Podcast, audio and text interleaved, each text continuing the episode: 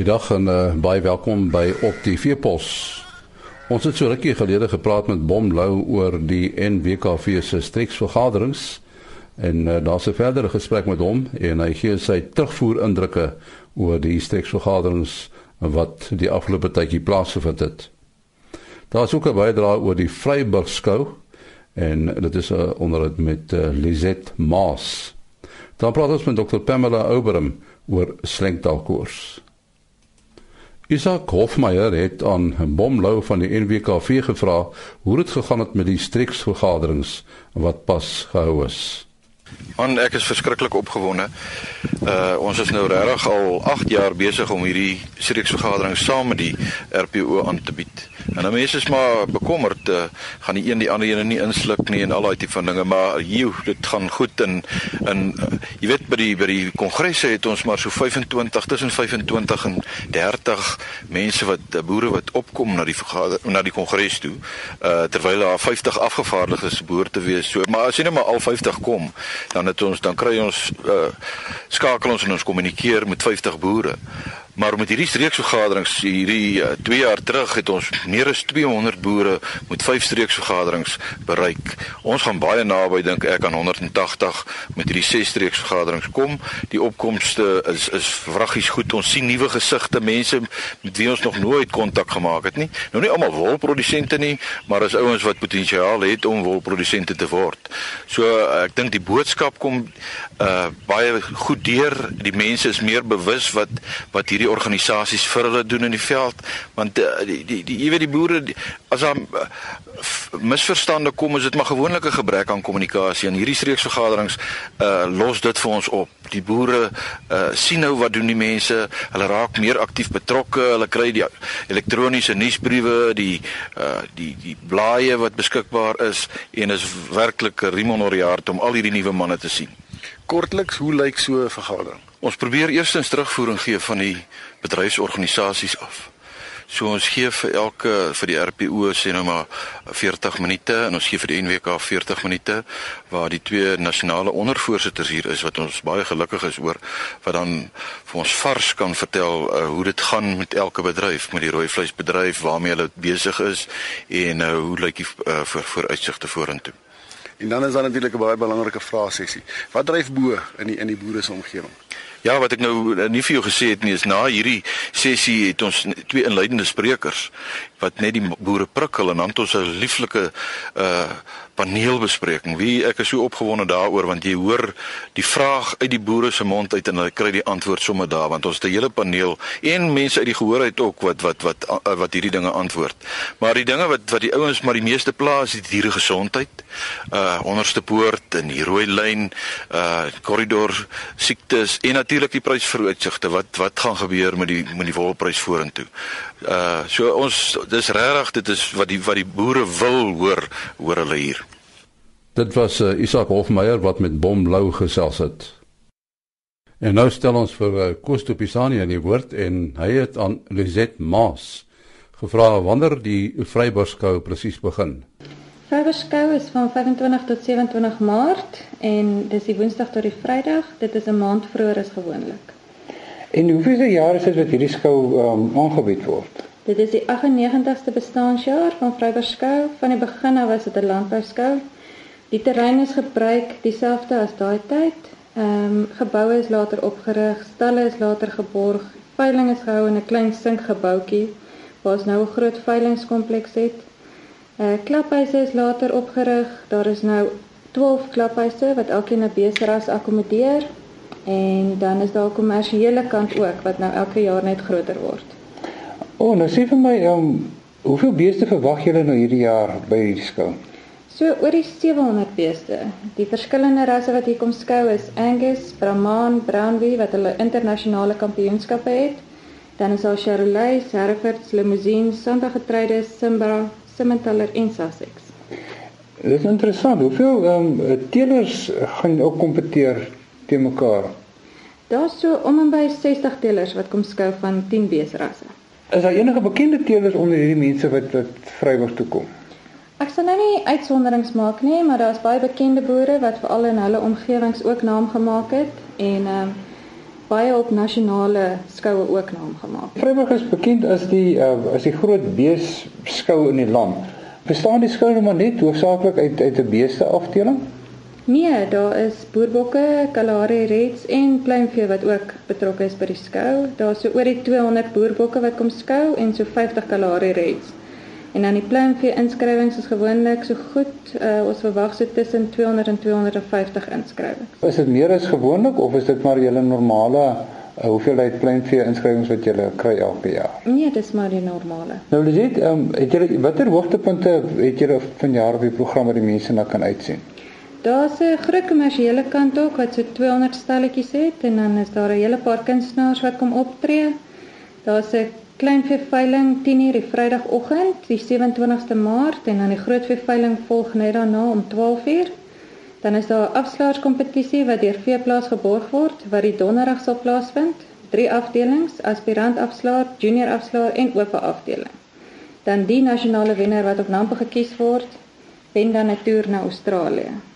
En dan die Brownwee Beseras het ook hulle internasionale kampioenskappe waar mense verwag van Namibië.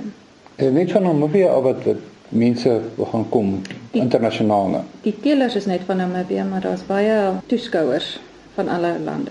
Dit was Koos de Pisani wat gesels het met Lizet Maas.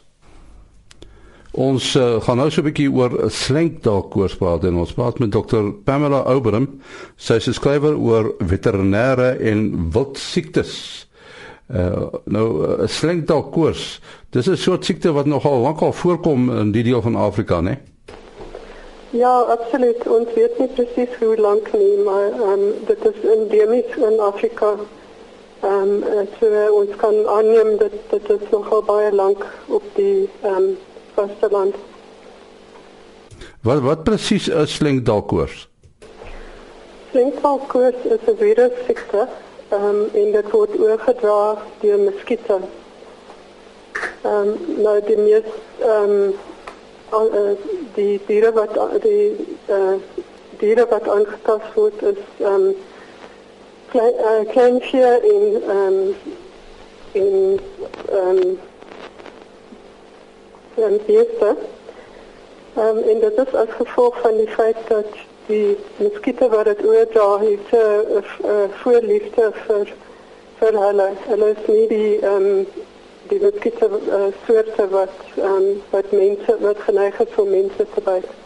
En dit is kom ons die siekte in eh uh, ehm um, in eh uh, in vier sien in ook baie wildsoorte.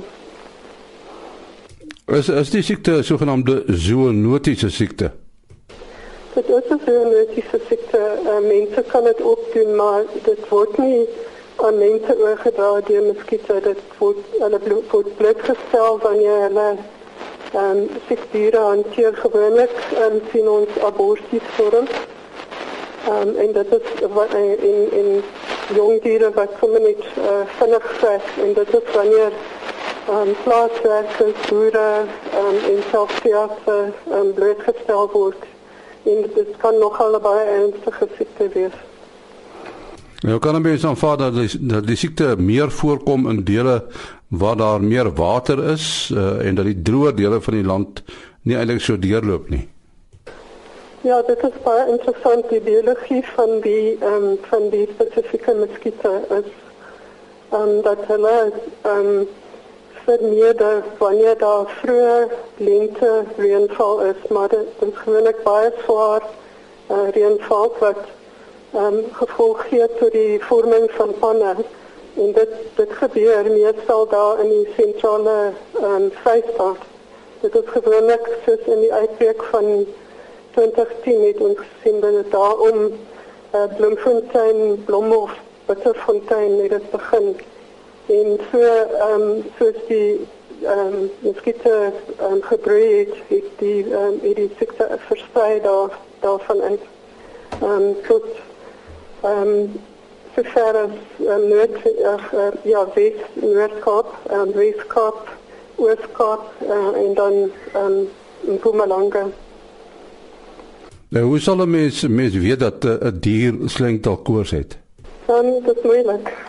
Ehm um, mens moet altyd aanvaar dat kan daar wees um, veral as as die klimaatsstande um, ideaal was uh, daai seisoen. Ehm um, maar die dit gebeur gewoonlik hierdie tyd van die jaar wanneer ons die uitbreke het. Ehm um, ek het 'n kaart voor my van die departement landbou en die punt of 10 uitbreek het dit eers voorgekom uh die eerste diagnose was 12 Februarie. En gewoonlik is die eerste tekens um, aborsies by vier. Um, vir albei skape is dit baie hoog, die aborsie persentasie. Ken minder by beeste. En um, dat uh, kan ook vetters van, van jong dieren wees. Maar dit, dit is ook typisch van, van uh, andere ziektes. Uh, mens moet um, dit altijd in gedachten houden van die tijd van het jaar, wanneer daar onverwachte factors is in aborties, vooral aborties. En, en uh, mens moet eigenlijk maar vooraf inent, nee? Absoluut. Ik meen, als, ons is nu in februari, als daar nou uitbreken komt, um, met een beetje mosterd naar die maal, um, ons uh, um, boeren moet verkieslijk um, vroeger in die seizoen ent. Um, want hoewel die instof redelijk vanaf werk 14 dagen uh, vat het om, uh, immuun, om hulle immuun te maken, is daar gewoonlijk geskarrel voor instof en dan is daar uh, gewoonlijk tekorten en zo aan of daar so een uh, massa aan, uh, aanvraag is en so, dat is, ja, dus, dus ik zeg dat het amper te laat is dat ze in die, in die seizoen proberen uh, ent kom die enstof onderste poort af. Is daar normaalweg enstof beskikbaar? Um, ek kan nie namens uh, onderste poort praat nie. Um, hulle maak twee lewende enstoffe wat baie effektief is. Die een is baie ou een wat al wat jare al gemaak is um, genaamd Smithburn en, en die ander is uh, um, uh, meer 'n nuwe um, getoetste enstof uh, klein 13 Ehm um, en hulle is altyd baie effektief. Daar is ook 'n dooie instof wat baie sok in in uh, eh, reaksie gee en mens met omtrent 2 of 3 ehm um, inspuitings gee voordat die diere beskerm word. En so praat Dr Pamela Oberum. Ook die einde van die program maandagooggend is ons terug. Tot dan alles van die beste.